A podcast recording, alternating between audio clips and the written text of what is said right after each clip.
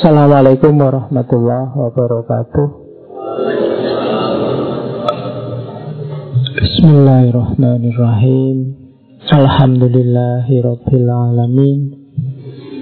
Wa bihi nasta'inu ala umurid dunya waddin.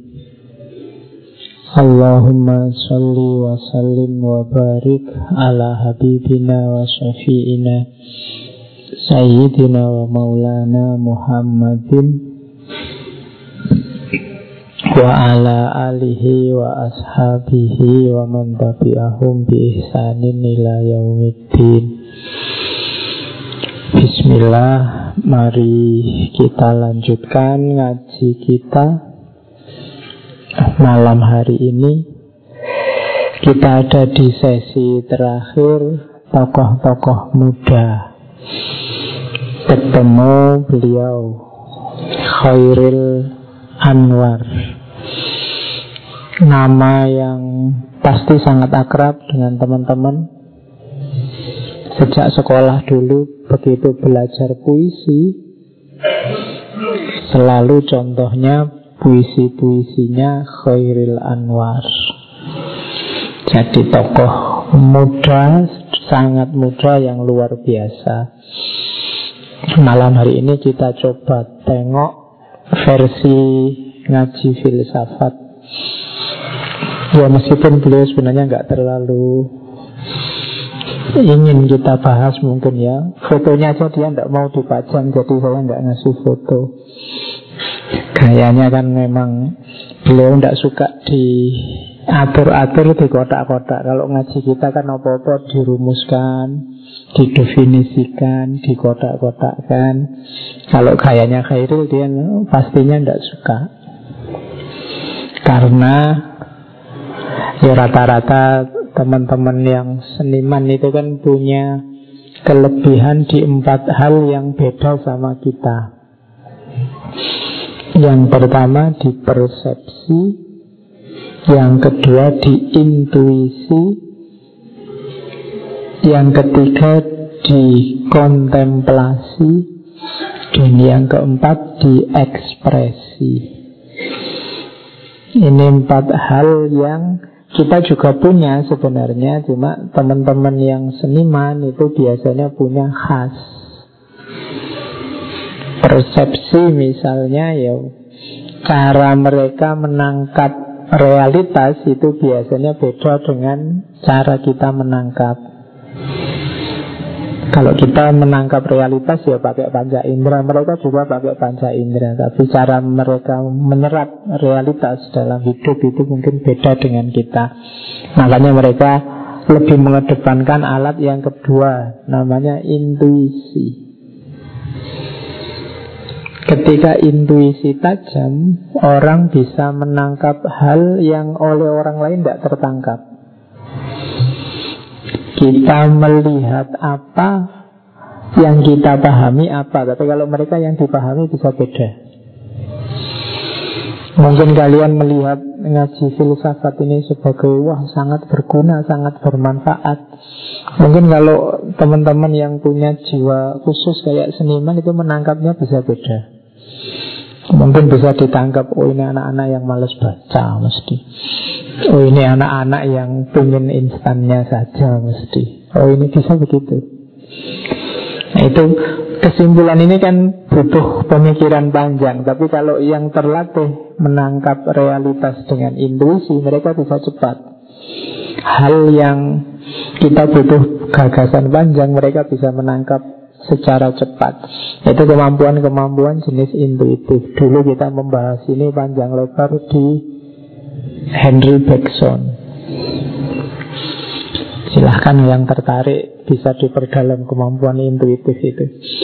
Yang kalau dalam Al-Quran yang punya Nabi Khidir yang membuat Nabi Musa kebingungan. Yang ketiga kontemplasi, kalau ini pasti Biasanya ya para penima, seniman, para penyair itu kan kuat di kontemplasi.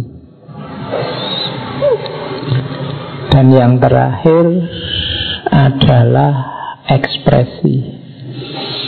Mereka ini biasanya punya kelebihan Sehingga apa yang dirasakan Bisa diekspresikan dengan pas Kadang-kadang kalau kita yang orang biasa-biasa Itu merasakan apa Mau menyampaikan itu susahnya luar biasa. Ngerti sih pak Tapi gimana ya ngomongnya? Kayaknya kita sering begitu. Coba kamu katakan Yang kamu rasakan apa? Gimana ya pak ngomongnya? Ada. Tapi kalau mereka itu punya punya kemampuan di situ. Sehingga kadang-kadang kita, ah kayak gitu loh Pak yang tak maksud. Seperti disampaikan itu loh. Nah, itu kelebihannya para penyair. Bahkan nanti di Al-Quran kan ada satu surat khusus yang judulnya as Para penyair. Di antara ijaznya Quran kan antara lain itu kemampuan Al-Quran untuk menaklukkan syair bikinan manusia. Oke, cuma malam ini kita ketemu beliau Khairul Anwar yang meninggalnya sangat muda usia 27 tahun. Kelahiran 22 nanti meninggalnya 49. Jadi masih sangat muda, penyakitnya sudah banyak mungkin karena hidupnya tidak tertib. Oke, ya mungkin yang bagian itu boleh tidak ditiru. Ya, bagian yang bagus-bagus kita tiru. Gunanya ngaji itu kan begitu. Setiap tokoh kita gali ada yang bagus diambil. Kalau ada yang tidak suka ditinggal saja. Oke, malam ini saya bawa beberapa slide. Cuma mungkin slide untuk malam ini slide paling tidak rapi. Sebenarnya saya mau ngurut seperti biasanya Tapi kelihatannya orangnya tidak mau Jadi ya saya bawa saja apa adanya puisi-puisinya Oke. Dua sisi pribadi ini ada sebuah penelitian Dari teman-teman psikologi Yang punya hipotesis kemungkinan struktur kepribadian seorang khairil itu punya dua sisi. Ini berdasarkan pengalaman hidupnya. Yang semacam ini biasanya gaya psikoanalisis Jadi kalau dilihat dari puisi-puisinya Khairil itu kan Yang pertama jelas Dia seorang yang individual. Jadi yang dia sampaikan Yang dia puisikan itu apa yang dia rasakan sebagai individu. Cuma kadang-kadang agak bertolak belakang. Ada yang menggebu-gebu semangat, bergairah, berjuang, tapi ada yang pesimis rasanya, gelap tentang kematian dan macam-macam. Nah, maka ada hipotesis, oh itu memang dipengaruhi oleh pengalaman hidupnya. Kadang-kadang nadanya sangat gelap, sangat buram. Nah, itu ini mestinya pengalaman waktu dia muda Dia kan waktu kecil di Medan Sampai usia sekitar 18 tahun Tapi ini dia anaknya orang kaya Anaknya bupati Tapi terus ayah dan ibunya cerai Pindah ke Jakarta Dimulailah dia kekecewaan demi kekecewaan Dimulai terus gaya yang agak buram, agak gelap, agak pesimis tadi. Tapi jangan salah, beliau juga keponaannya Perdana Menteri Sultan Syahrir. Lingkungan para pejuang, orang-orang yang semangat, orang-orang yang cinta tanah air. Ini juga nanti mempengaruhi kepribadiannya, meskipun dia tidak mau terlibat langsung. Kalau di rumah pamannya ada rapat-rapat Dia tidak pernah ikut Paling masuk ke ruang rapat tujuannya satu Minta rokok Ya Jadi kebiasaannya kalau ada orang lagi sibuk Bahas apa dia masuk Permisi om sebentar minta rokoknya Terus pergi lagi Tapi mau tidak mau nanti Dia di beberapa momen kehidupannya Juga ikut membantu Perjuangan saat itu ngantar surat, jadi kurir apa, dan seterusnya. Dari situ nanti lahir beberapa puisi perjuangan. Ya termasuk nanti kekecewaan-kekecewaan dengan perempuan-perempuan yang dia cintai, baik yang nyampe maupun yang tidak nyampe. Dalam riwayat hidupnya ada yang bilang kurang lebih ada Kalau ditelusuri dari puisinya itu sekitar 11 perempuan Ya Meskipun terakhir beliau Ya jangan cek-cek-cek itu Memang riwayat hidupnya begitu 11 perempuan yang Kebanyakan ya berakhir dengan patah hati Makanya kalian kalau ingin pinter bikin puisi Patah hatilah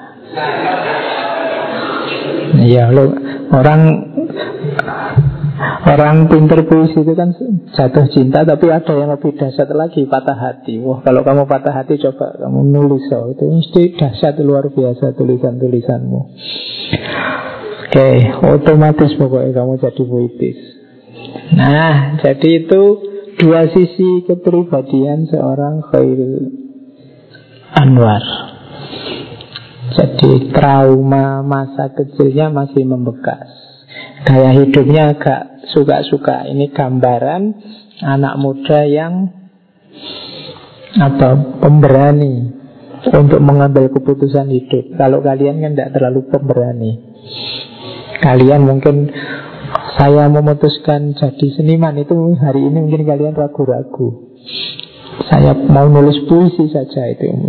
Mesti pertanyaan pertamanya Lo besok makan apa kalau hanya nulis puisi? Kan itu. Tapi kalau Khairil Anwar berani. Sehingga perekonomiannya memang agak seret. Sampai nanti belakangan dia cerai dengan istrinya Ibu Hafsah Dan tetap komitmen dengan dunia seni dan kepenyairan Cuma jangan salah, beliau memang luar biasa, sangat total di dunia perpuisian. Levelnya sudah internasional, tidak cuma nasional. Beliau jadi objek kajian mahasiswa-mahasiswa sastra seluruh dunia. Pengaruhnya ya pasti saya bilang tadi kalian rasakan kan sejak kalian sekolah SD mungkin sudah kenal Khairul Anwar. Oke, kalau generasimu mungkin kenalnya sejak film apa? Ada apa dengan cinta, film-film jenis itu kan sering ngutip puisi-puisinya Khairil Anwar. Jadi itu kepribadiannya. Terus kita gali sebentar sebelum ke puisi-puisinya ya. Yang jelas Khairil yang pertama mirip kayak Ahmad Wahid, mirip kayak Ji kemarin, mirip sama Kiai Wahid, ada ciri yang sama apa? Mandiri. Jadi bahkan kalau Khairil mandiri meskipun tergolong dalam tanda petik tidak mampu secara ekonomi. Tapi tetap dia milih untuk berkarya di bidangnya. Tidak tergantung siapa pun, tidak berdiri dengan dukungan siapa pun. Itu nanti yang membuat langkahnya lebih mudah karena kalau kita bersandar, kalau kita minta didukung, kalau kita apalagi minta dibantu oleh siapa pun, hasilnya ya kita akan tidak berani, tidak kuat, mudah dipesan dalam tanda petik, harus punya komitmen tertentu pada yang mendukung kita. Tapi kalau tidak punya sandaran apa-apa ya kita tidak ada tuntutan komitmen pada apa pun atau siapa pun. Kita lebih bisa mandiri. Kalau kamu punya utang pada siapa ya kamu harus tergantung pada yang ngasih kamu utang. Tidak bisa mandiri kalau kamu dibantu siapa, ya kamu tergantung pada yang bantu. Maka prinsip pertama di tokoh-tokoh muda yang kita bahas sejak awal bulan kemarin yang sangat menonjol adalah mandiri. Kalau kalian hari ini kan susah untuk mandiri. Dalam banyak hal mungkin kalian tergantung. Karena kalian sendiri merancang kebutuhanmu adalah hal-hal yang membutuhkan ketergantungan. Kamu butuh HP, kamu butuh pulsa, kamu butuh terkenal, kamu butuh macam-macam kebutuhanmu Itu membuatmu butuh sandaran Karena kamu sendiri belum mampu memenuhi kebutuhanmu sendiri Akhirnya kamu tergantung Begitu kamu tergantung, kamu akan susah mandiri. Berarti syarat untuk mandiri apa? Jangan target macam-macam Keinginanmu coba dikontrol Biar kamu tidak tergantung. Jadi inginkan hal yang menurutmu Kamu mampu memenuhinya tanpa bantuan orang lain. Itu akan bisa membuatmu mandiri. Itu langkah pertamanya itu. Tapi kalau keinginanmu sangat besar Mimpimu sangat luar biasa Yang membuatmu butuh orang lain Ya mungkin kamu perlu dukungan orang lain Tapi resikonya jadi tidak mandiri Ya boleh di langkah-langkah awal perjuanganmu Tapi finalnya harus mandiri. Itu yang dilakukan oleh tokoh-tokoh muda di bulan ini. Semuanya mandiri. Tidak ada yang tergantung. Yang kedua ciri yang sama adalah kreatif. Kalau menurut saya kreatifnya seorang Khairul Anwar tidak pada kuantitas karyanya tapi pada kualitas karyanya. Mungkin kalian yang punya jiwa seni punya puisi lebih banyak. Tapi orang membaca puisimu tidak wow sama sekali. Ya, jadi mungkin orang baca puisimu itu ada gitu.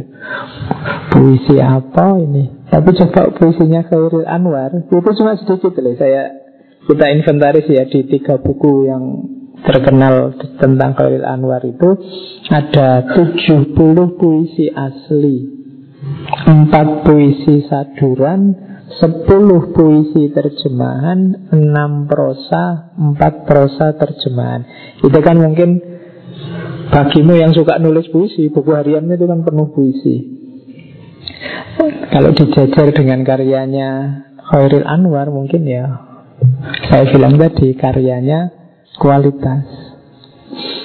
Siapa membaca puisinya Khairil Anwar? Itu kan rasanya puisi itu cocok dengan dirinya. Kamu baca puisi aku misalnya. Itu kan kayak kayak yang muda baca puisi itu Puisi aku itu rasanya kayak Wah aku bener ini. Jadi inilah aku. Kan kamu selalu bilang gitu. Padahal mungkin Harul Anwar ya aku itu ya aku dia sendiri Tapi kamu yang baca merasa Aku itu adalah aku juga Tidak hanya yang nulis puisi Dan nanti banyak puisi yang lain orang merasa cocok kalau dalam bahasa semiotik ada open text atau kadang pakai istilah open plex.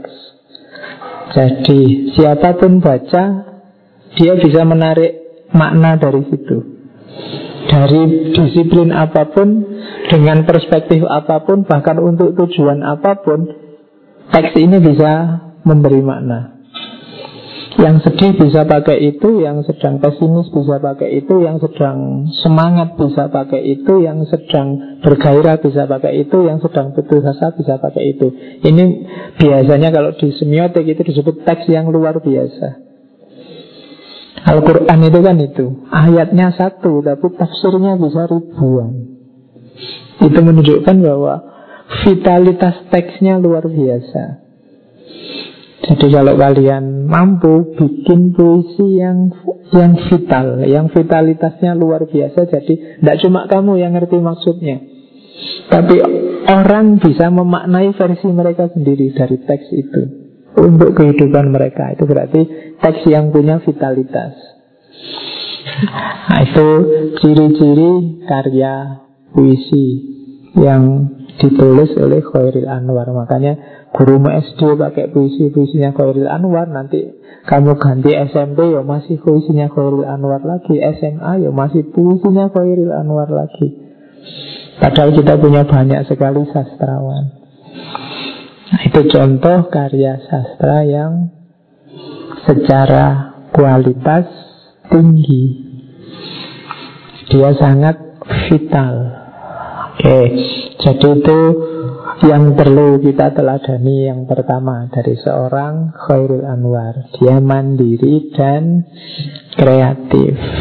Yang ketiga bebas tapi inspiratif Jadi Khairul Anwar itu punya banyak inspirasi dan banyak menginspirasi orang lain. Hidupnya kalau kalau cerita kalian baca-baca buku tentang Khairil Anwar itu meskipun banyak puisinya yang meledak-ledak sebenarnya hidupnya kayak orang apa ya bahasa Jawa ini kayak wong asarasen apa aras-arasen itu Bukan males Apa aras-arasen itu? Kayak orang ogah-ogahan lah Kayak gitu loh Enggak kok semangat Kayak puisi-puisi yang Enggak Dia kayak orang Paling nanti ke teman kosnya siapa Minta makan, nongkrong, ngerokok Terus oh. Jadi kayak hidupnya itu. Banyak orang menyebut dia bohemian. Agak gaya-gaya hipis bohemian itu Cara gaya mode hidupnya itu mode suka-suka aku aja. Tapi sebenarnya dia agak tertib Karena dia terkenal kalau pakai baju medis. Makanya banyak perempuan suka. Karena dia juga ganteng. Gak tak bawa fotonya ke sini biar kamu gak merasa kesaingan. Jadi ya Jadi dia terkenal ganteng Tapi hidupnya dan rambutnya kan tidak dibikin gondrong, tidak dibikin kumuh, tidak. Dia kalau kalau pakai baju suka yang netis yang sudah disetrika, meskipun ya kayak tadi agak ogah-ogahan, suka-suka lah gitu. Ya yang paling banyak fotonya kan beliau sedang pakai rokok karena memang penggemar berat rokok. Oke, dia bebas termasuk yang menginspirasi kan ada istilah dulu zaman kemerdekaan sering orang bikin slogan-slogan merdeka atau mati. Terkenal di antara slogan juga ada slogan bung ayo bung. Oh, itu yang usul Khairil Anwar. Cuma inspirasinya itu kalimat untuk perjuangan cuma inspirasinya dari waktu dia nongkrong-nongkrong di depan lokalisasi terus nonton perempuan-perempuan manggil-manggil ayo bung datang bung. Nah, nah jadi ketika ada yang tanya kok yo apa ya anaknya semboyan perjuangan kita? Terus katanya Khairul sudahlah pakai aja. Bung ayo bung gitu. Nah, itu itu kan kreatif inspiratif cerdas jadi bebas, dia eksentrik, pekerjaan tetapnya tidak ada, suka ngerokok, penyakitan, selalu banyak uang, eh selalu kurang uang. Kalau kamu kan uangnya banyak, kalau kamu kan kebalikannya itu semua.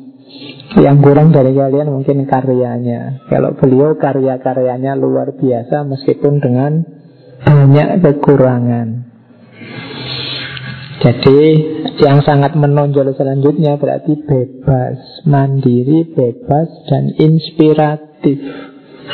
Inspiratif itu tidak dalam arti orang harus meniru pola kehidupannya, tapi ketika melihat gaya hidupnya orang terinspirasi. Makanya Orang inspiratif itu bukan orang kayak gini sebenarnya nggak inspiratif. Kalian saya kasih tahu terus, oh ya Pak berarti itu benar benar itu namanya hanya ikut-ikutan. Inspiratif itu saya ngomong apa, yang muncul di kepalamu apa. Wah, ketika saya ikut ngaji filsafat, saya punya ide begini Pak. Itu berarti ngaji ini inspiratif. Bisa melahirkan hal yang baru.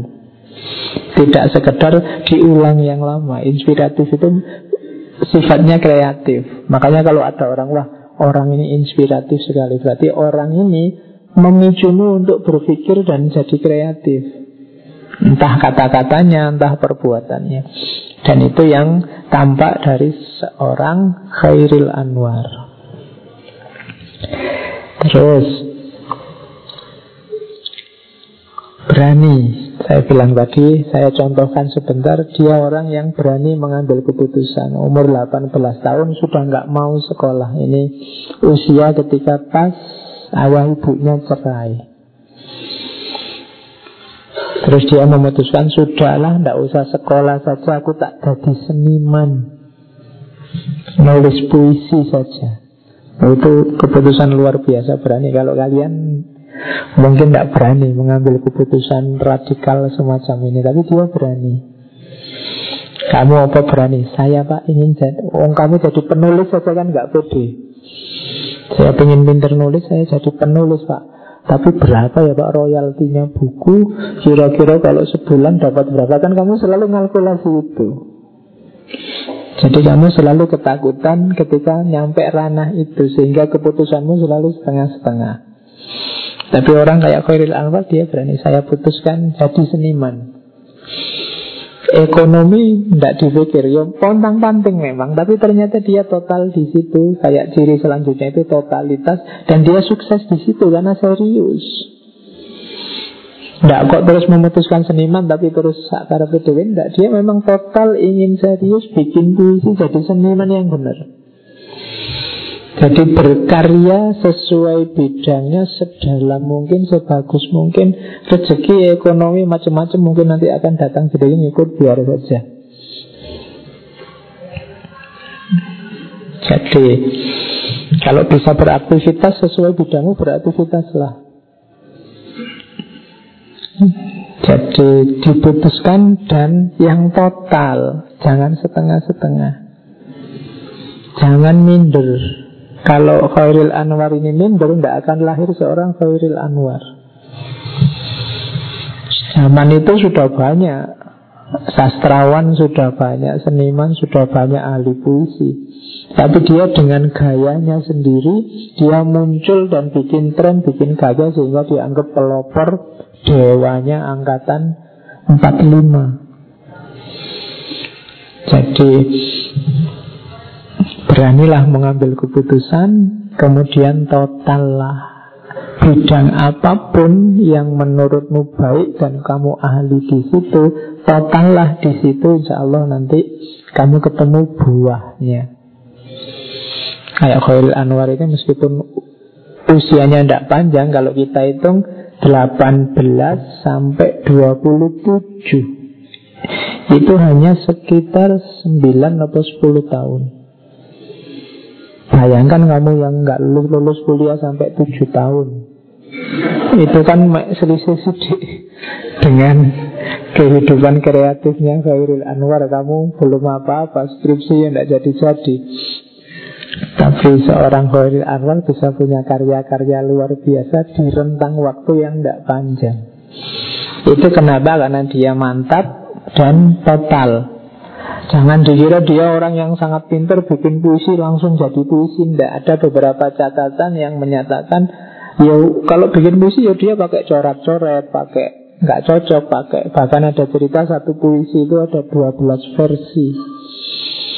Jadi karena dia ingin hasil puisi yang bagus itu menunjukkan dia total jadi ingin beneran bikin puisi yang bagus karena dia sudah mendeklarasikan diri, memantapkan diri hidup sebagai seorang ahli puisi.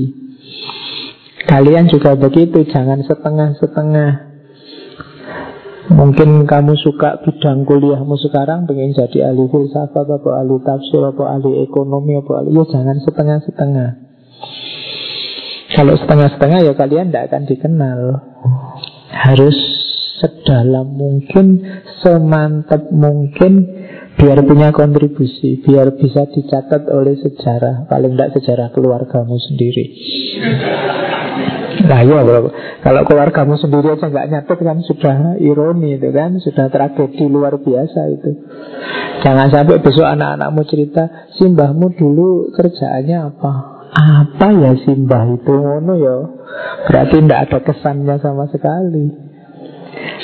Jadi berkaryalah secara mantap. Dan jangan salah, Khairul Anwar ini saat beliau hidup belum dapat penghargaan macam-macam sampai meninggal. Meninggal karena ada yang bilang TBC sejak lama, kemudian puncaknya kena tifus sehingga ususnya infeksi, kemudian meninggal. Jadi kesehatannya agak lemah. Karena mungkin gaya hidupnya kurang tertib Tapi dari sisi semangat, dari sisi kesungguhan berkarya Perlu diteladani Oke, kalau kita hari ini kan mungkin kalau urusan kesehatan oke, okay, urusan fasilitas oke. Okay. Zaman Khairil Anwar jangan dibayangkan ada laptop, ada HP. Kalau sekarang nulis kan ganti 12 kali kan gampang tinggal di save as atau di delete bikin baru. Kalau dulu kan orat-oratan itu. Zaman dulu nulis surat cinta itu bisa setengah buku surat itu habis. Karena salah kan, nggak mau salah kan kalau nulis surat ke pacar itu gitu. Salah satu huruf, waduh keliru, disobek, ganti nulis lagi itu bisa satu surat bisa setengah buku, bisa satu buku. Nah, itu versi-versinya banyak. Kalau zaman sekarang kan gampang. Kamu nulis keliru aja kan kamu tinggal nambahi maaf typo gitu kan. Iya. Kalau dulu ndak laku model typo Kalau belum jadi ya belum perfect belum dikirim. Sekarang fasilitas mudah. Mau apa saja kamu mudah. Tinggal semangat dan gairahmu. Yang harus dibangkitkan lagi karena menurut saya sekarang banyak sekali fasilitas terus membuat kita terlena. Waktu kita habis untuk hal-hal yang tidak urgent dalam hidup kita.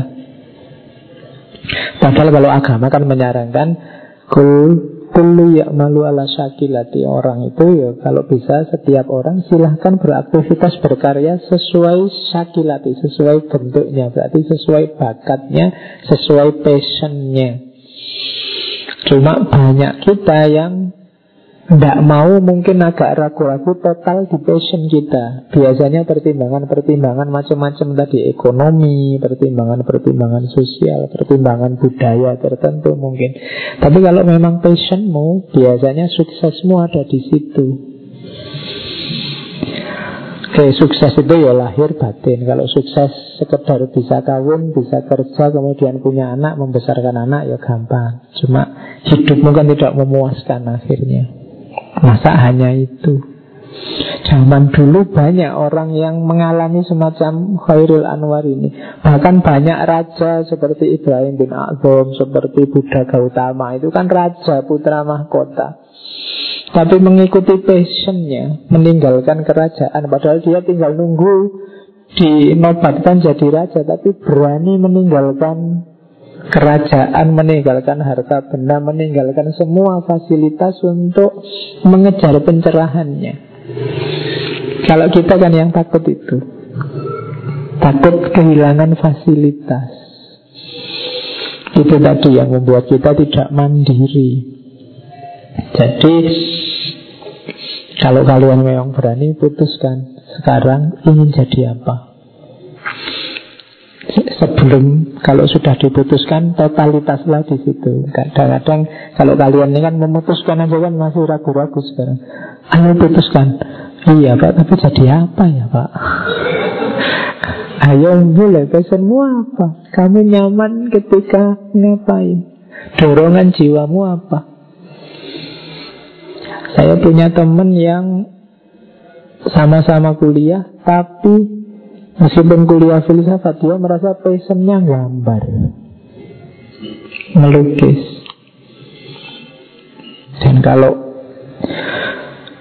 Cuma karena dia merasa melukis itu bukan Tidak memberi jaminan masa depan Passion ini tidak dituruti.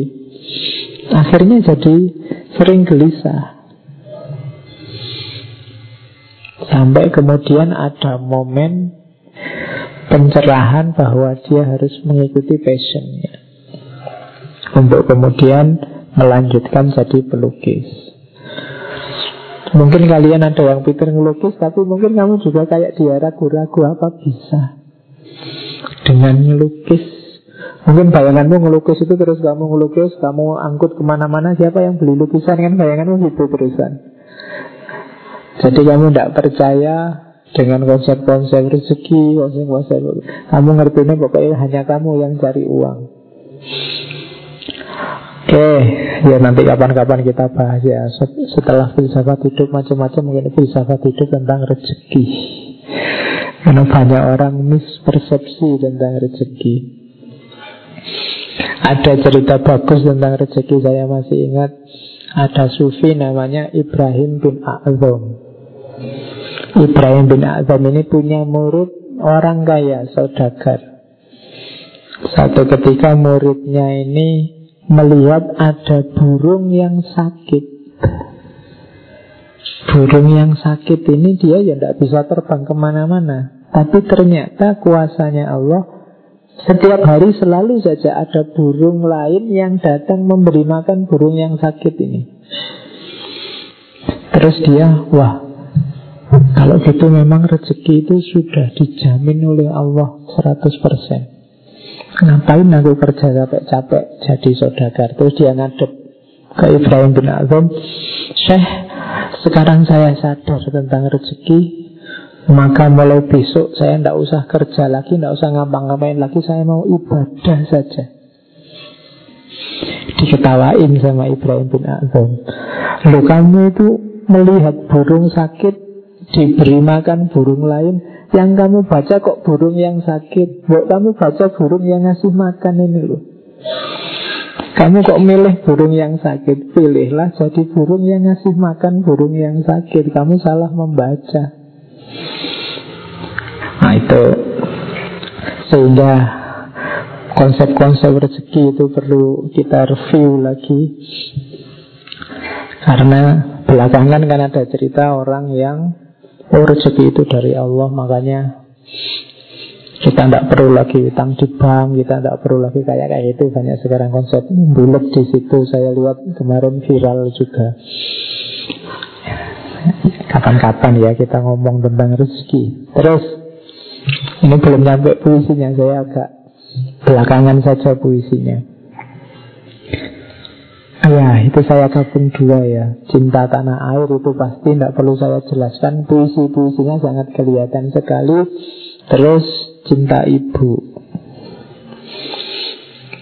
Jadi ada cerita satu ketika Khair ini pernah juga mengalami di penjara cuma dia tidak galau karena di penjara yang dipesan satu tolong ibuku dijagain pada HP Yasin. Jadi karena memang ya beliau hidup di Jakarta kan sama ibunya setelah cerai sama ayahnya. Maka selain cinta tanah air yang luar biasa juga cinta ibu. Terus terakhir tiga sekaligus ya membaca Khairul Anwar ini ahli empat bahasa Indonesia, Inggris, Jerman, Belanda. Makanya dia bisa menjelajahi banyak referensi. Meskipun karena cinta tanah air tadi dia tidak banyak menyerap istilah-istilah asing. Puisi-puisinya kan bahasa Indonesia rata-rata. Oke, jadi membaca Membacalah, membacalah, membacalah Tidak mungkin bisa lahir karya berkualitas di dunia seni, sastra, puisi, dan macam-macam kalau kalian malas membaca. Bagi yang jeli, tokoh yang kita bahas semua, empat-empatnya ada kesamaan minat, yaitu minat bacanya tinggi. Ada yang kemarin Kiai Wahid itu sehari lima jam minimal nah, membaca buku.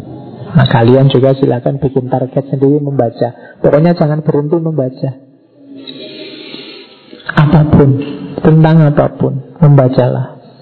Karena nanti membaca itu manfaatnya banyak. Mungkin kamu tidak hafal, Pak, saya sudah baca Pak, tapi ya paham sih Pak. Tapi setelah bukunya saya tutup, saya tidak apal. Saya lupa lagi. Ya kalau versi kepenulisan kalau kalian belajar jurnalistik itu antara lain fungsinya membaca bukan apal isinya tapi kemampuannya mengkombinasi kata pengayaanmu terhadap pilihan-pilihan kata yang semakin banyak itu di antara manfaatnya membaca di situ paling tidak itu. Jadi kayak puisi itu kan butuh diksi yang beragam, butuh pilih kekayaan pilihan kata. Kalau kalian pilihan katanya terbatas ya agak susah. butuh penghayatan terhadap rasa kata, rasa bahasa. Nah itu butuh rajin baca. Yang kedua, Khairil ini seorang yang pantang kalah. Bukan pantang menyerah saja, tapi dia pantang kalah. Berarti orang pantang kalah itu cirinya apa? Dia harus sungguh-sungguh di bidang yang dia terjuni. Karena kalau tidak ya mesti kalah nanti sungguh-sungguh lah. Jadi tidak sekedar pantang pantang menyerah itu kan kamu berjuang meskipun hasilnya tidak jelek, tidak apa-apa sih. Yang penting aku tidak nyerah itu kan pantang menyerah. Tapi pantang kalah itu hasilnya harus bagus. Jangan sampai aku kalah. Jadi lebih lebih mantap di level pantang kalah. Terus ya dia pejuang rasa, pejuang rasa itu orang yang apa mungkin bahasanya agak emosi emosional dalam tanda petik ya orang yang mengikuti kata hatinya. Jadi kalau kita kan agak sering bikin batas-batas untuk keinginan kita, kata hati kita. Tapi kalau Khairil Anwar enggak. Termasuk ketika dia nulis puisi. Jadi itu ciri-ciri dan karakter seorang Khairil. Gaya puisinya orang mengenalnya ekspresionis. Jadi ekspresionis itu kemampuan untuk mengekspresikan seluruh apa yang berkecamuk dalam dirinya secara penuh. Yang saya bilang tadi itu tidak gampang. Banyak orang tidak mampu. Itu yang membuat banyak nanti potongan-potongan puisinya jadi abadi dalam tanda petik. Kalian mungkin sering dengan istilah sekali berarti sudah itu mati. Itu ya Khairil Anwar. Hidup hanya menunda kekalahan. Itu Khairil Anwar. Mereguk hidup sepuas-puasnya dalam kepuasan yang sedalam-dalamnya. Aku ini binatang jalang Itu kan istilah-istilah yang familiar Luar biasa Diksi ini sering kita pakai untuk mengekspresikan diri kita. Tapi itu semula kan dari Khairil Anwar. Aku ingin hidup seribu tahun lagi. Jadi kan, kan kita sering pakai ini. Meskipun mungkin orang kok bisa ya hidup seribu tahun lagi. Itu kan nggak orang nggak bahas itu. Tapi orang ngerti bahwa aku ingin hidup seribu tahun lagi itu di balik itu ada semangat untuk terus berjuang. Nah, itu kan tanpa harus dijelaskan, kalian bisa menangkap maknanya. Kemudian ada lagi ngomong tentang kuburannya karena Khairil Anwar termasuk tokoh yang seolah-olah dia ngerti akan meninggal dan dikuburkan di mana. Kau penuh seluruh dan macam-macam. Jadi itu gaya seorang khairil. Oke. Okay. Jadi mungkin bisa dibayangkan yang sekarang seperti apa sosoknya. Kita mulai dari puisi dan urutan puisi ini agak susah diatur jadi agak acak. Saya mulainya dari sini. Hampir separuh puisi-puisinya Khairul Anwar itu tentang kematian. Kita lihat ya. Ini saya jangan suruh baca puisi nanti kamu kaget. Ya, rasakan saja kita malam ini kita latihan ya. Resepsi puisi. Jadi serap puisi ini versimu untuk hidupmu. Yang saya bilang tadi Puisi itu kan teks yang terbuka. Berarti bukalah dirimu biar teksnya masuk. Kemudian Rasakan kira-kira konteksnya untuk hidupmu dalam hal apa. Itu cara memahami puisi begitu. Kalau kamu tanya penyairnya sekalipun dia tidak akan cerita Puisi ini tentang apa, untuk apa? Ya silahkan. Kamu hayati sendiri. Ini puisi yang judulnya 1943 ini ada rasa semangat berjuangnya, ada rasa betapa berat halangan yang merintangi, ada rasa tapi tetap harus diperjuangkan apa pun yang terjadi. Jadi racun berada di reguk pertama, membusuk rabu terasa di dada, tenggelam darah dalam nanah. Jalan kaku, lurus, putus, candu, tumbang, terbenam, hilang, terus lumpur, lahir, tegak, berderak. Kata-kata ini kalian baca pelan-pelan, potonglah di bagian mana, nanti maknanya berubah.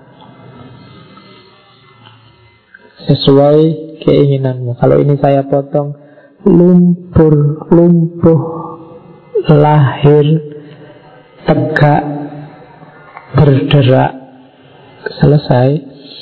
Kamu pause di situ, nanti maknanya beda kalau saya pause di rubuh, runtuh, mengguru. Jadi itu puisi itu yang dalam tanda petik saya bilang tadi ya berkualitas kan rasanya setiap kepala bisa memotong kata sesuai keinginannya. Menentang, menyerang, kuning, merah. Hari ini kalau saya berhenti di merah, mungkin bayanganmu partai. Ya, atau jangan-jangan yang muncul di kepala ada yang bayangannya mungkin agak keras, mungkin darah. Atau merah itu ada hitam. Hitam juga punya konotasi macam-macam. Kalau dalam dunia semiotik, setiap kata itu punya banyak makna, namanya polisemi. Jadi kata yang sama bisa melahirkan banyak sekali konotasi. Kursi, bangku, macam-macam itu kan punya konotasi banyak. Hitam, kering, tandas. Rata, rata, rata. Semoga yang muncul di kepalamu bukan warung. Iya Iya, lo ya kan orang membaca itu sesuai semesta pemikirannya. Hari ini kan orang Jogja, kamu yang mahasiswa kenali ya rata-rata. Dunia kau dan terakhir aku terpaku. Jadi ada kepahitan, ada kebingungan, ada gejolak, ada halangan, ada apatisme, ada pesimisme dari satu puisi ini.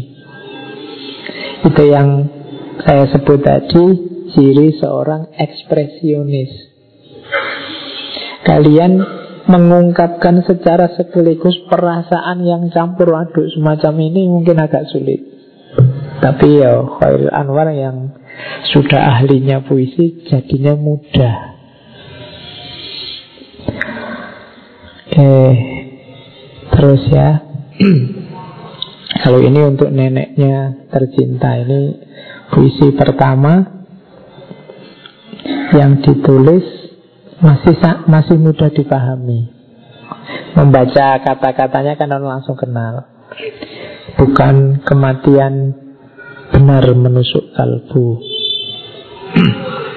Keridoanmu menerima segala tiba.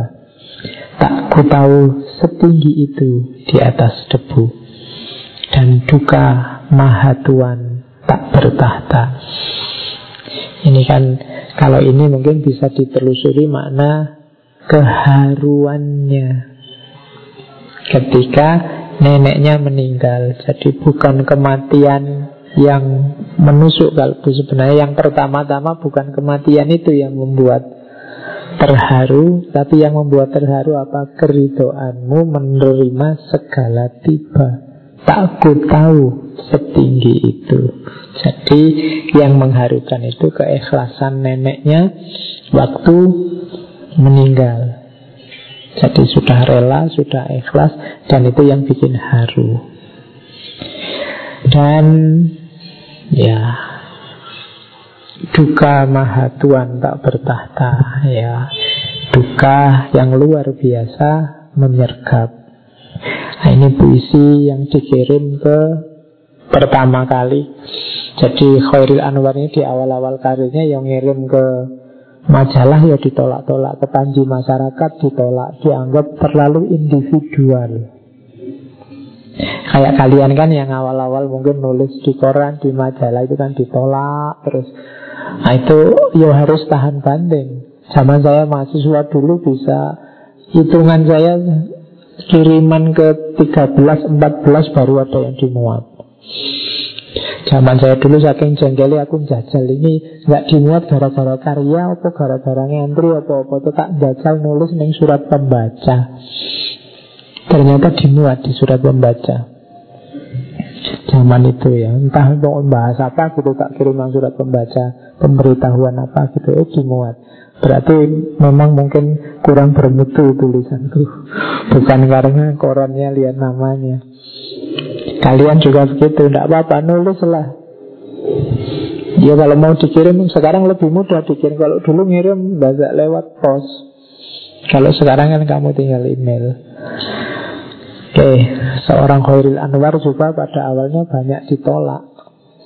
Meskipun belakangan disukai. Kalau ini kalian kenal pasti ya. Tentang aku. Bagi yang sudah belajar filsafat eksistensialisme atau filsafat-filsafat yang lain tentang diri Sebenarnya puisi ini boleh dibahas Dengan perspektif-perspektif filosofis ada yang bilang bahwa puisi ini sebenarnya ditujukan awalnya untuk ayahnya yang menceraikan ibunya. Tapi saya bilang tadi, teks itu semakin terbuka dia semakin berkualitas. Setiap orang bisa memaknai versi hidupnya masing-masing. Dari sini kan muncul kalimat aku ini binatang jalan. Kalau sampai waktuku, ku mau tak seorang kan merayu. Tidak juga engkau Ini waktu SD kamu mesti disuruh baca puisi ini Ya, tak perlu sedih sedan itu Ini mungkin dulu ayahnya mungkin merayu Mbak Yo kamu sekali-sekali jenguk ayah Sekali-sekali datang ke sini Nengok dan macam-macam. Tapi Aku mau tak seorang Merayu tidak juga engkau Dan tak perlu sedih sedan itu. Aku ini binatang jalang. Dari kumpulannya terbuang. Makanya Khairil Anwar sering digelari si binatang jalang Bukan tidak sopan Wong dia sendiri yang bilang aku ini binatang jalang. Jadi berarti dia si binatang jalang. Dari kumpulannya terbuang. Biar peluru menembus kulitku Aku tetap meradang, menerjang. Luka dan bisa kubawa berlari.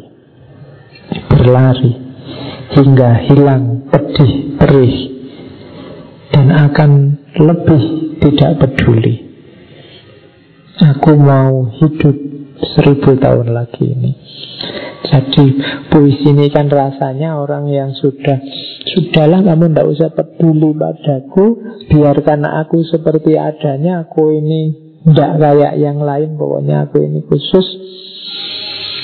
Biarkan aku seperti diriku Meninggalkan semua kesedihan Dan aku ingin hidup seribu tahun lagi.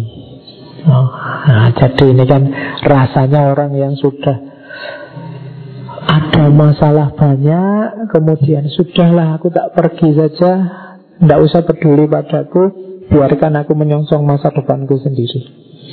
Itu kan rasanya semacam itu. Ya versimu mungkin ya Kamu kontekskan dengan hidupmu sendiri Mungkin masalahmu banyak Problemmu banyak. Berlarilah. Berlari, tinggalkan semua kesedihanmu.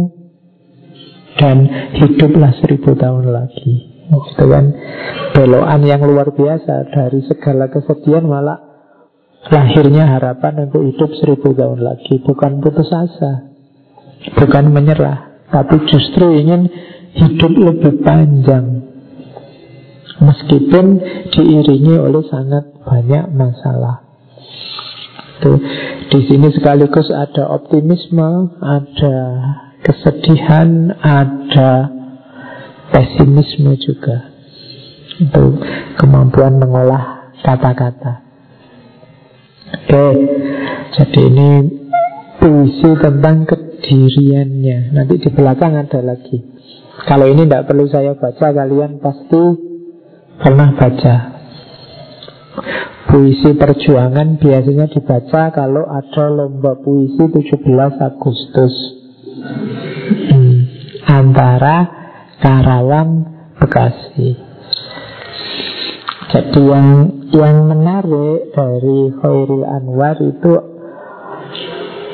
Kalau dalam dunia estetika itu ada namanya the thing The thing itu ada sesuatu yang dijelaskan susah tapi nggak cuma bisa dipahami dari kata-katanya tapi puisi ini ada sesuatunya.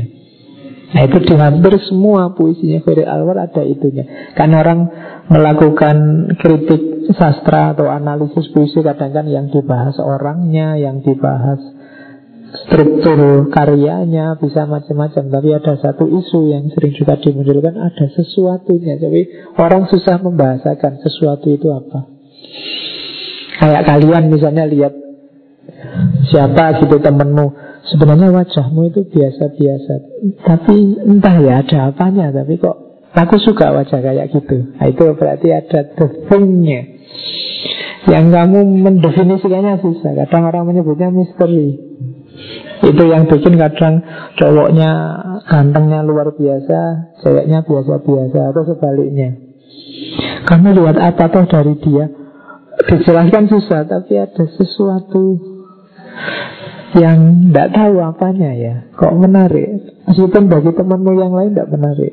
Itu namanya dosing Kamu lihat karya tertentu kadang-kadang Iki apa ya? Kadang karya-karya yang model-model abstrak itu kan kamu bacanya ini apa sih ya karya kok tidak jelas itu ya? Tapi yang paham itu ngerti bahwa ada sesuatu di balik karya itu ya, itu namanya the thing. Dan yang semacam itu ada di karya-karyanya Khairul Anwar. Jadi punya muatan sesuatu yang luar biasa. Kalau kalian bisa punya karya yang semacam itu ya. Berarti kalian punya kualitas. Jadi ada sesuatunya. Tidak sekedar ikut-ikutan yang lain. Sama kayak puisi Karawang Bekasi ini kan ada ada semangat yang terbangkitkan, ada kesedihan, ada kegelapan kematian, ada itu kan macam-macam campur aduk di situ. Sengaja saya skip karena masih banyak puisi yang lain. Terus Kalau ini puisi patah hati. Ya. Jadi puisi Ditinggal kawin. Ya. Judulnya tak sepadan. Aku kira Beginilah nanti jadinya Kau kawin beranak dan berbahagia Sedang aku mengembara serupa Ahasveros Ahasveros ini tokoh dari tradisi Yahudi yang dikutuk untuk mengembara sepanjang hidupnya. Jadi ada cerita Ahasveros ini menolak dikunjungi oleh Yesus. Maka dia dihukum untuk mengembara sepanjang hidupnya. Itu kan tidak enak ya. Piknik itu enak, tapi kalau piknik tidak ada hantunya, Tidak boleh pulang itu namanya bukan piknik Nah itu kutukan bagi tokoh namanya Ahasverus Ada yang bilang Ahasverus itu ya Aslinya seorang raja namanya Xerxes Dari Persia Tapi versinya macam-macam Tapi yang dimaksud ini bahwa orang yang mengembara tiada henti Jadi kau kawin beranak dan berbahagia sedang aku mengembara serupa Ahasverus. Berarti mengembara tidak kembali lagi, pokoknya mengembara terus ke mana-mana terus. Dikutuk sumpahi Eros. Kalau Eros ya dewa cinta. Dikutuk Eros berarti selalu merasakan kepedihan, rasa sakit dalam cinta. Aku merangkai dinding buta tak satu juga pintu terbuka. Jadi baik juga kita padami unggunan api ini karena kau tidak akan apa-apa. Aku terpanggang tinggal rangka. Oh itu wis kata ya kalau ini kalian langsung paham bahwa ini betapa sakitnya ditinggal kawin. ya. Cuma kalau Khairil Anwar bisa jadi puisi yang luar biasa semacam ini. Kalau kalian kan paling ya nangis sama bikin status. Ya. Ya sekali-sekali bikin status yang romantis yang itu. Jadi makanya istilahnya tak sepadan, tak sepadan itu kayak kalimat biarlah aku yakin kau bahagia dengan pasanganmu, sementara biarlah aku terbakar tinggal rangka. Tidak apa-apa aku ikhlas, tapi bilang kayak gini sambil nangis. Ah, ya. Itu, tapi indahnya cinta itu di situ. Saya sering ceritakan kalau Romeo dan Juliet itu sukses kawin terus punya anak, mikir cari kerja ke mana, kemudian mau terus tidak jadi romantis. Jadi romantis itu ada susahnya, ada sulitnya, terus tidak nyambung itu kan luar biasa. Sampai hari ini kamu ingat Kayak film Titanic itu karena tidak jadi Yang terakhir, yang satu meninggal itu kan rasanya terbayang-bayang kasihan ya. Tapi coba terus sama-sama sukses, selamat, terus kawin Itu mungkin tidak terlalu mengesankan endingnya. Jadi itulah cinta. Justru keindahannya banyak terlihat saat ada ujian-ujian Bukan saat lancar Kalau lancar sih biasa Tapi ketika banyak kesulitan Banyak ujian itu biasanya tambah mantap Oke, jadi Ya Khairul Anwar sendiri mengalami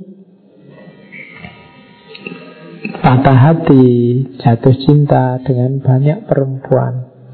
Seperti saya ceritakan di depan tadi. Ada beberapa puisinya, kalau menurut puisi-puisinya ada sekitar 11 orang.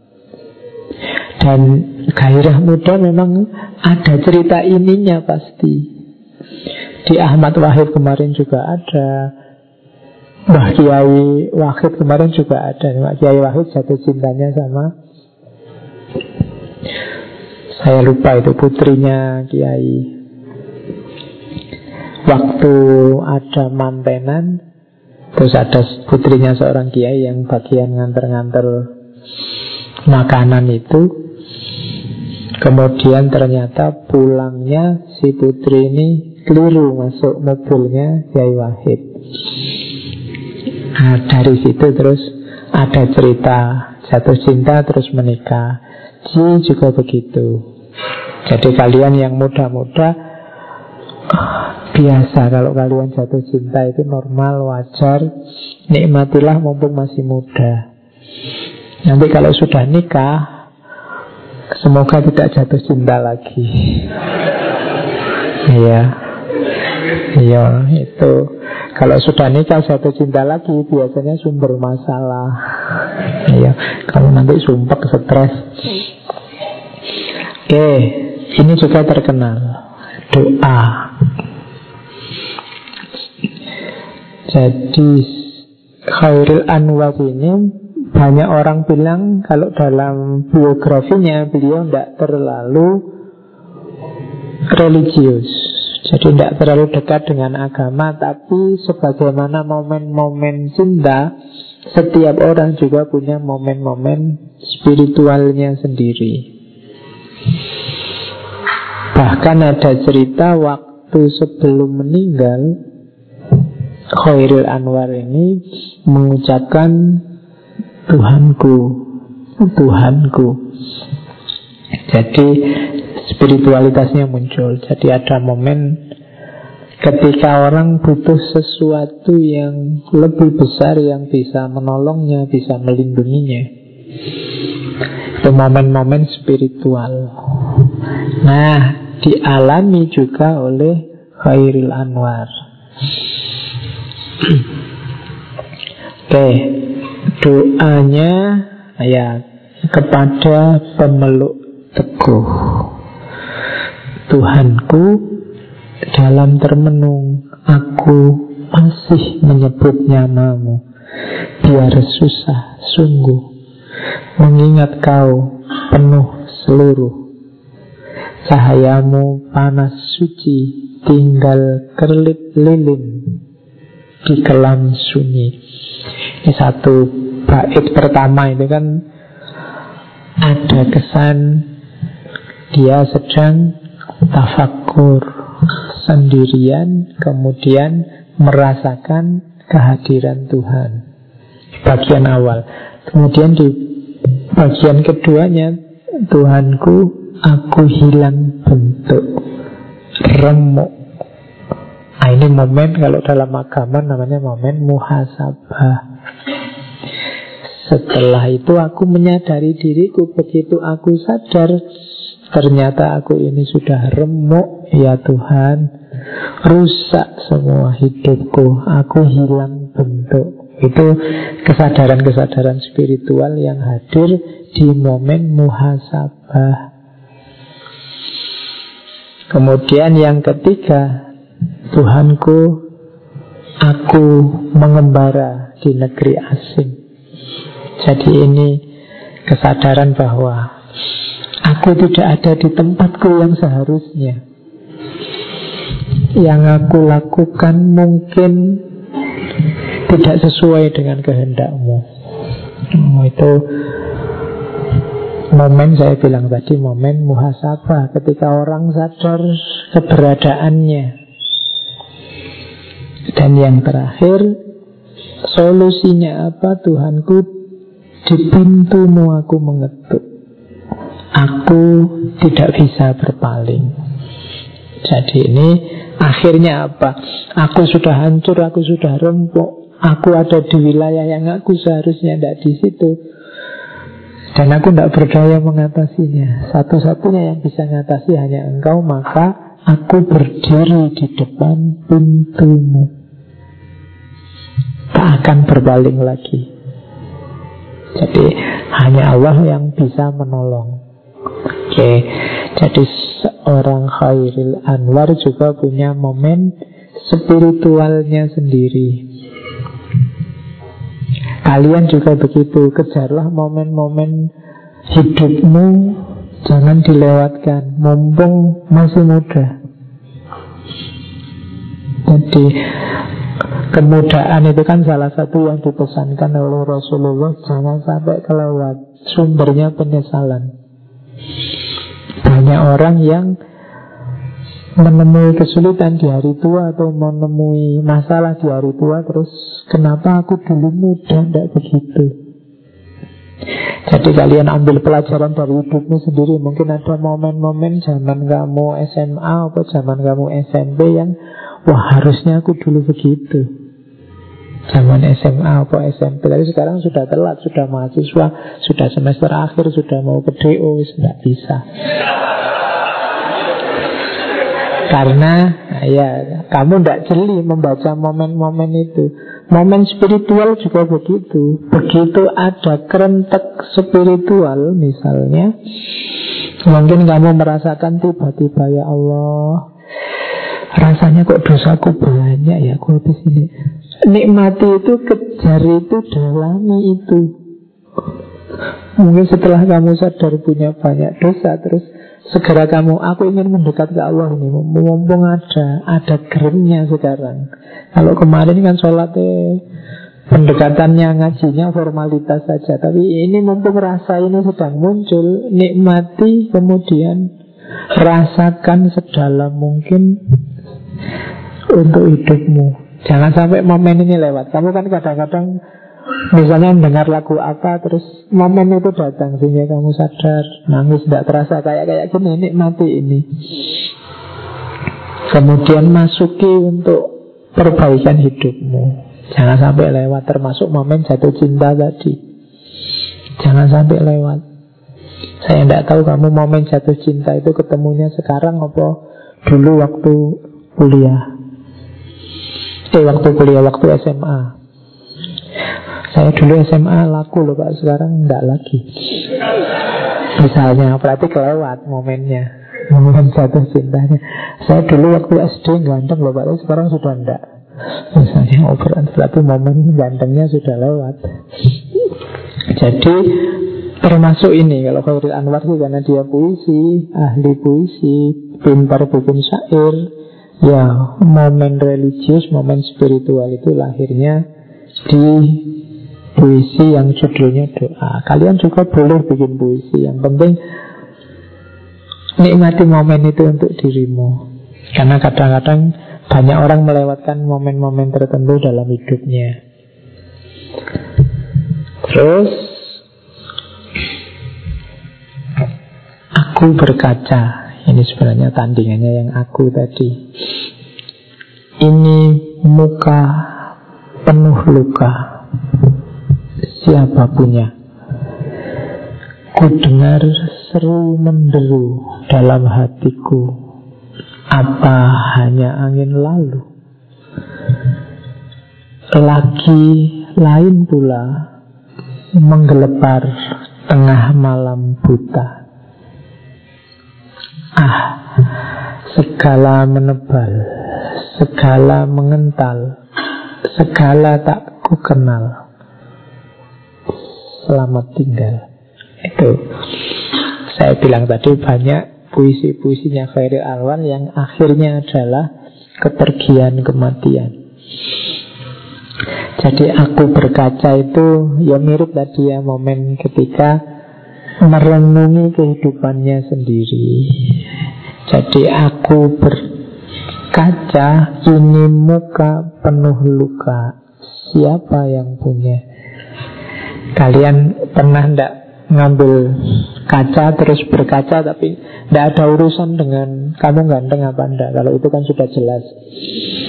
Kamu coba lihat wajahmu renungi wajahmu. Biasanya masuknya ke selanjutnya kamu merenungi kehidupanmu. Siapa sih aku ini?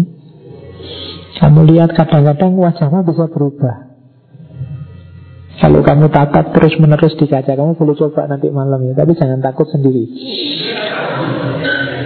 Lampunya jangan terlalu terang.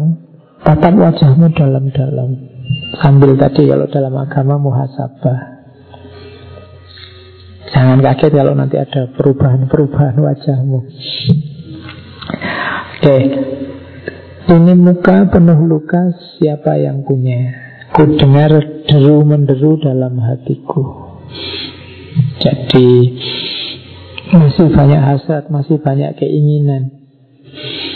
Tapi apa pentingnya? Sementara segala menebal, segala mengental. Sementara lingkungan sekeliling kita berjalan tanpa bisa kita kontrol. Segala tak ku kenal. Termasuk mungkin nanti puncaknya ya dirinya sendiri. Om tadi tanya siapa aku. Cuma ini terus tiba-tiba belok keputusannya ya sudahlah kalau gitu selamat tinggal. Nah itu kayaknya Khairul Anwar sering-sering begitu tiba-tiba berbelok. Oke. Kalau ini puisi 17-an juga tentang Pangeran Diponegoro.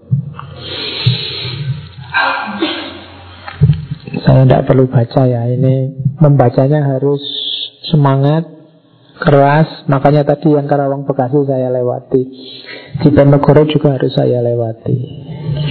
Karena daripada nanti kamu tertawa. Tidak pantas saya membaca Bukan tidak pantas, tidak bakat Teriak-teriak maju, serang, terjang Itu kan harusnya kamu mantap. Kalian yang lebih mampu, yang masih muda. Kalau saya kan sudah tua. Jadi baca sendiri di Ponegoro Resapi Jadi ini sebenarnya Momen ketika Khairil Anwar merasa butuh suntikan semangat. Ketemunya benchmarknya ketemu di Ponegoro makanya kalimatnya di masa pembangunan ini Tuhan hidup kembali dan barakaku menjadi api. Jadi keberadaan pemahaman khairil terhadap Diponegoro dijadikan api. Barakagum menjadi api. Sebenarnya ini kalimat luar biasa kalau untuk hari ini. Kamu kan kagum mengidolakan banyak orang, banyak tokoh. Apakah itu artis Korea, apakah itu bintang film, apakah itu macam-macam ya yang kamu kagumi. Cuma kadang-kadang kekaguman kita tidak jadi api. Jadi api itu jadi gairah, jadi semangat untuk melakukan kebaikan dan memperbaiki hidup. Jadikan bara kagum itu jadi api. Banyak bara kagum yang hanya melahirkan fanatisme. Pengidolaan. Jangan salah, idola itu dari kata-kata idol. Idol itu berhala. Jadi ketika seseorang memberhalakan sesuatu Mengidolkan sesuatu Itu biasanya terus Melihat orang. Pokoknya benar salah idolaku Kalau idolanya dikritik Marahnya luar biasa itu berarti sudah idol. Tidaklah Barakakum jadikan api. Alhamdulillah kamu punya idola, punya panutan. Jadikan panutan ini apimu, semangatmu. Bukan tempat bersandar kayak tadi yang membuatmu tidak mandiri Di depan sekali Tuhan menanti Tak gentar lawan banyaknya seratus kali. Pedang di kanan, keris di kiri Berselempang semangat Yang tak bisa mati. Kalimat yang banyak dipakai orang Yang selanjutnya itu Sekali berarti Sudah itu mati. Jadi kalian dalam hidup ini Tidak usah terlalu banyak mancang target-target yang luar biasa. Bikin saja hidupmu berarti untuk orang lain Wong ya umur kita terbatas. Jadi Bikinlah dirimu Saya ingin bermanfaat pak untuk bla bla bla Sudah setelah itu tidak apa-apa Sudah selesai tidak apa-apa Asal hidupmu berarti. Jangan terlalu banyak rencana yang tidak mungkin terpenuhi Tapi rancanglah sesuai kadar yang kamu mampu. Karena setelah itu pasti mati. Manusia hari ini kan usianya paling 70-an lah kurang lebih. Alhamdulillah kalau nyampe 70 itu. Di bawahnya banyak Bahkan sekarang yang muda-muda banyak Lebih banyak. Statistik terbaru yang meninggal lebih banyak yang muda. Yang tua-tua itu biasanya malah awet Orang kadang yang sudah sakit lama tidak meninggal-meninggal. Yang mahasiswa main trek-trekan terus sekaligus berapa? Terus meninggal. Jadi kalian tidak usah merasa Saya masih muda pak, masih lama. Tidak. Berarti apa? Bikin hidupmu berarti sekarang. Tidak usah nunggu besok. Tidak usah nunggu nanti. Kan saya matinya masih lama pak. Kata siapa Ya kan? Bisa jadi lebih dulu kalian Atau bisa jadi kalian lebih dulu nantinya. Jadi Tidak bikin hidupmu berarti mulai sekarang. Apa yang bisa menurutmu membuat hidupmu jadi berarti Lakukan sekarang. Jangan nunggu besok. Siapa yang bisa menjamin sesudah itu matinya masih lama Siapa tahu bulan depan, tahun depan, lima tahun lagi siapa yang tahu Maka rancanglah keberartian dirimu mulai sekarang Eh, kalau ini puisi perjuangan, maknanya bisa ditangkap. Kalau ini tentang suara malam. Ini juga puisi yang jenisnya muhasabah, mengadu mendekat pada Allah. Dunia badai topan. Manusia mengingatkan kebakaran di hutan. Jadi ke mana? Untuk damai dan reda mati. Barangkali ini diam kaku saja dengan ketenangan selama bersatu mengatasi suka dan duka kekebalan terhadap debu dan nafsu. Berbaring tak sadar seperti kapal pecah di dasar lautan. Jemu dipukul ombak besar. Atau ini peleburan dalam tiada dan sekali akan menghadap cahaya. Ya Allah, badanku terbakar segala samar. Aku sudah melewati batas. Kembali, pintu tertutup dengan keras. Itu sama kayak yang di depan tadi orang yang hidup ini sedemikian kacaunya, hidup ini sedemikian rumitnya. Alam semesta memberi topan badai, manusia membakar-bakar diri kita sendiri juga sudah tidak bisa lagi damai, tidak bisa lagi reda. Mati saja mungkin lebih bagus. Nah itu kan kalimatnya khair awar tapi peleburan dalam tiada dan sekali akan menghadap cahaya. Ya Allah, badanku terbakar segala samar. Aku sudah melewati batas. Kembali pintu tertutup dengan keras. Jadi ini ada nada pesimis, ada nada pasrah pada Allah. Kalau atas usahaku sendiri aku tidak akan bisa kembali. Sedemikian kompleksnya semua keruwetan ini dan aku terbakar dalam samar. Satu-satunya yang bisa mengatasi ya Allah itu suara malam. Terus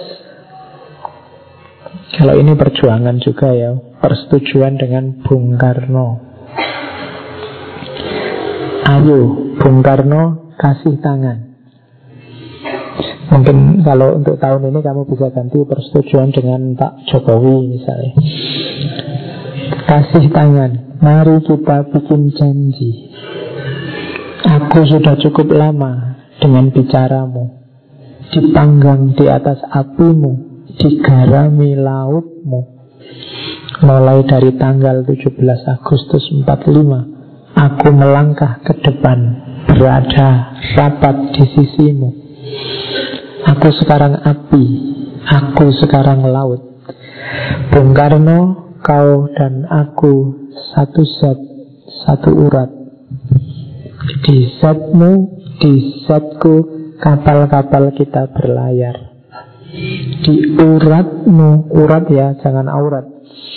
Di uratku kapal-kapal kita bertolak dan berlabuh. Oke. Sudah bisa ditangkap maknanya. Sebelum nanti materi terakhir, kalau ini puisi yang saya bilang tadi, banyak orang menyebut ini rasa-rasanya kayak ramalan dia sendiri tentang kematiannya. Yang terampas dan yang putus kelam dan angin lalu mempesian diriku. Menggigir juga ruang di mana dia yang kuingin. Malam tambah merasuk, rimba jadi semati tugu.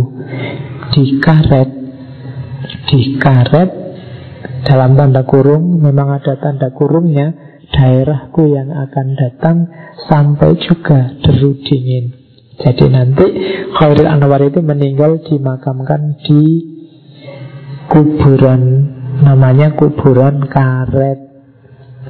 Cuma sebelum dimakamkan di sana sudah bisa menyatakan daerahku yang akan datang. Oke. Aku berbenah dalam kamar, dalam diriku jika kau datang. Dan aku bisa lagi lepaskan kisah baru padamu Tapi kini hanya tangan yang bergerak lantang. Tubuhku diam dan sendiri. Cerita dan peristiwa berlalu beku Tahun 1949 Tepat di usia waktu dia meninggal. Itu sering disebut puisi profetiknya. Semacam ramalan kematian. Oke Saya ingin ngasih materi penutup Untuk tokoh-tokoh muda. Yang Khairul Anwar sudah kelihatan Sosoknya, profilnya. Jadi Dari Empat tokoh yang kita bahas bulan ini kalau di antara kalau kita sambungkan dengan kisahnya para nabi ada nabi yang dikenal dengan semangat mudanya. Kita belajar dari beliau ya. Ini semacam ringkasan idealnya yaitu Nabi Musa. Ya.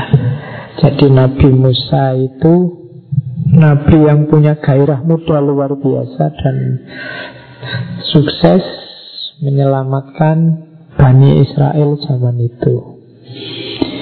Oke, cirinya apa? Karakter apa yang dimiliki oleh seorang Musa? Ini yang mau saya sampaikan. Yang kelihatannya dimiliki hampir semua oleh tokoh-tokoh muda yang kita bahas bulan ini. Yang pertama adalah kuat mental dan kuat fisik itu Nabi Musa. Kalau mentalnya kuat pasti, fisiknya kuat ya. Nabi Musa itu bisa mukul orang langsung tewas sekali pukul. Itu berarti fisiknya luar biasa kuat.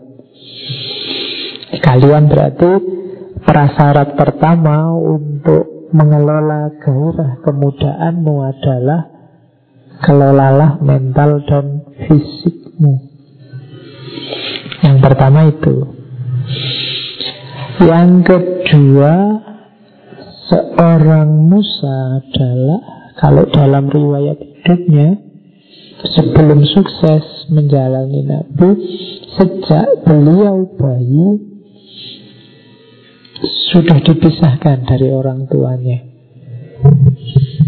Ya karena zaman itu kan Nabi Zaman itu Fir'aun itu ingin bunuh semua anak laki-laki Dia dipisahkan dari orang tuanya Jadi perjuanganmu Untuk sukses Itu Harus kamu mulai sendiri.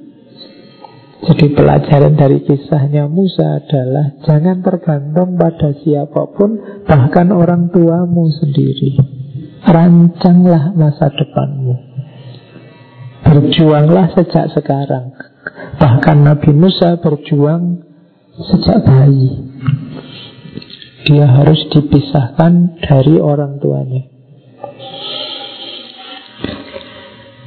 Yang ketiga dalam perjuangan itu pasti harus ada yang dikorbankan Tidak ada yang tidak.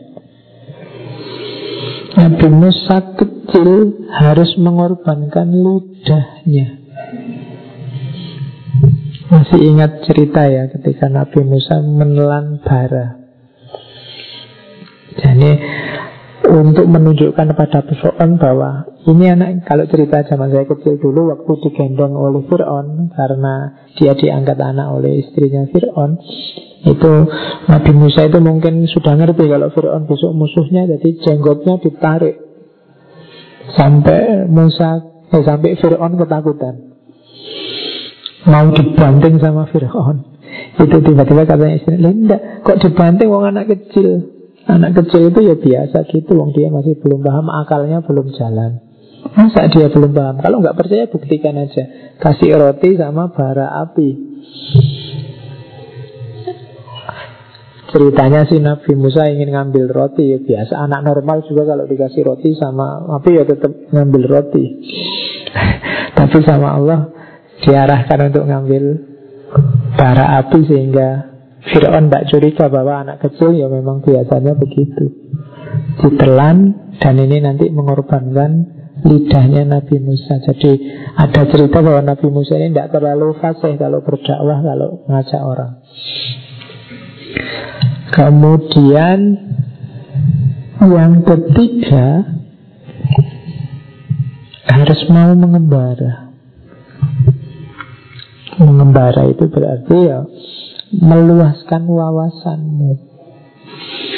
Nabi Musa itu meskipun diangkat anak oleh Fir'aun kan nantinya lari mengembara sampai diambil menantu mengembalakan ternaknya Nabi Su'eb diambil menantu Nabi Su'eb ini mengembara. Jadi anak anak muda tidak boleh jadi katak di bawah tempurung.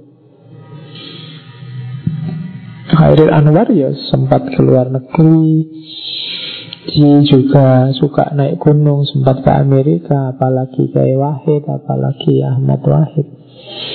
Jadi jangan jadi katak di bawah tempurung Mengembara berarti juga meluaskan wawasan Baik secara fisik maupun secara mental.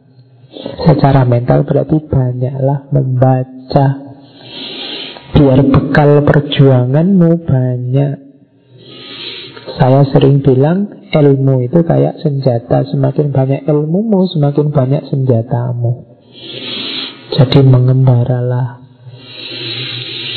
Kemudian yang keberapa tadi lupa Selanjutnya. Jadi ini perjuangan untuk orang-orang muda ya. Ambil waktu khusus untuk Seperti sering saya bilang Muhasabah merenung kalau Nabi Musa beliau sampai ada cerita 40 hari naik ke bukit Tur Tur Sina.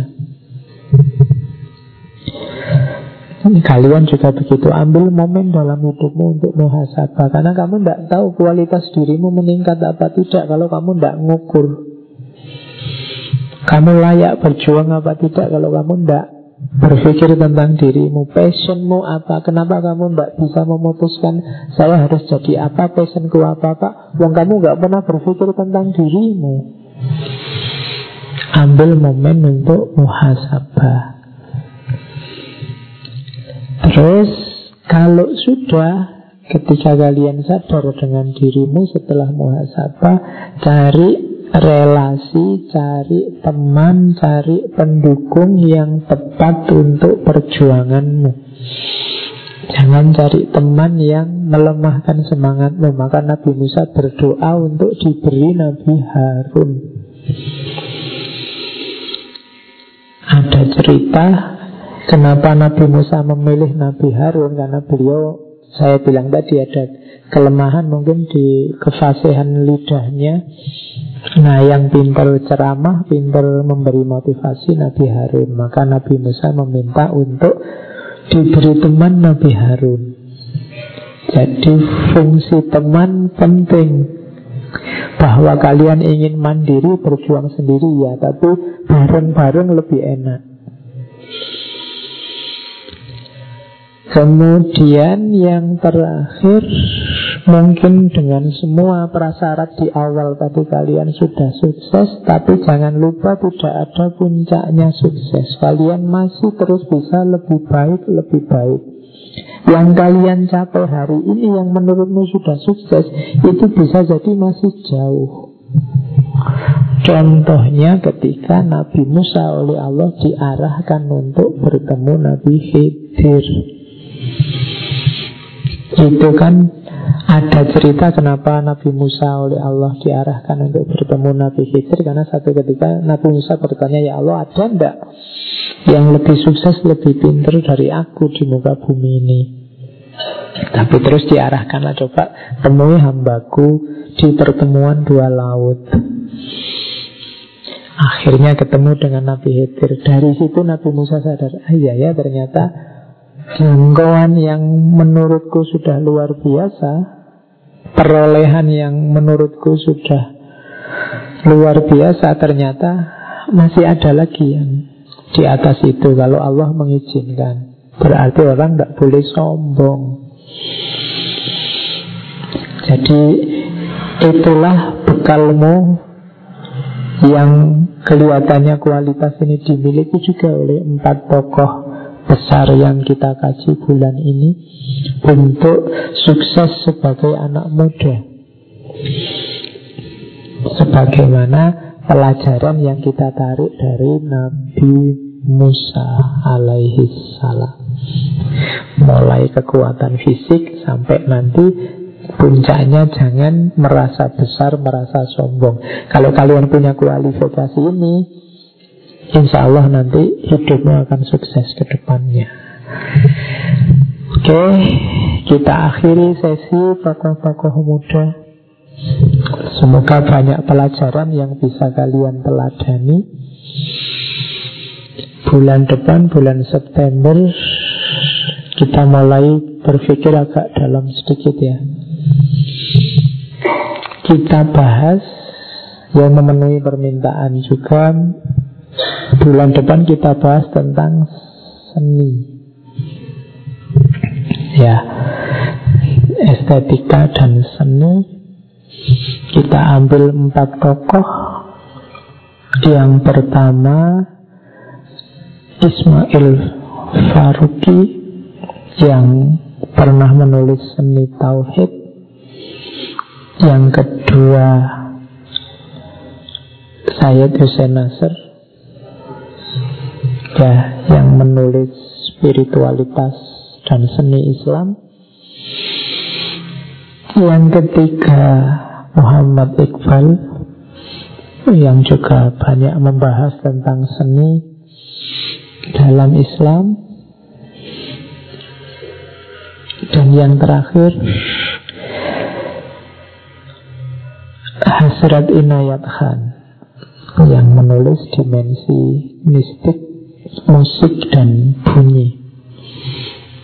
Oke, jadi minggu depan kita ambil tema estetika agak dalam sedikit tapi tidak apa-apa ya biar senjata kita makin ampuh khususnya untuk wilayah seni.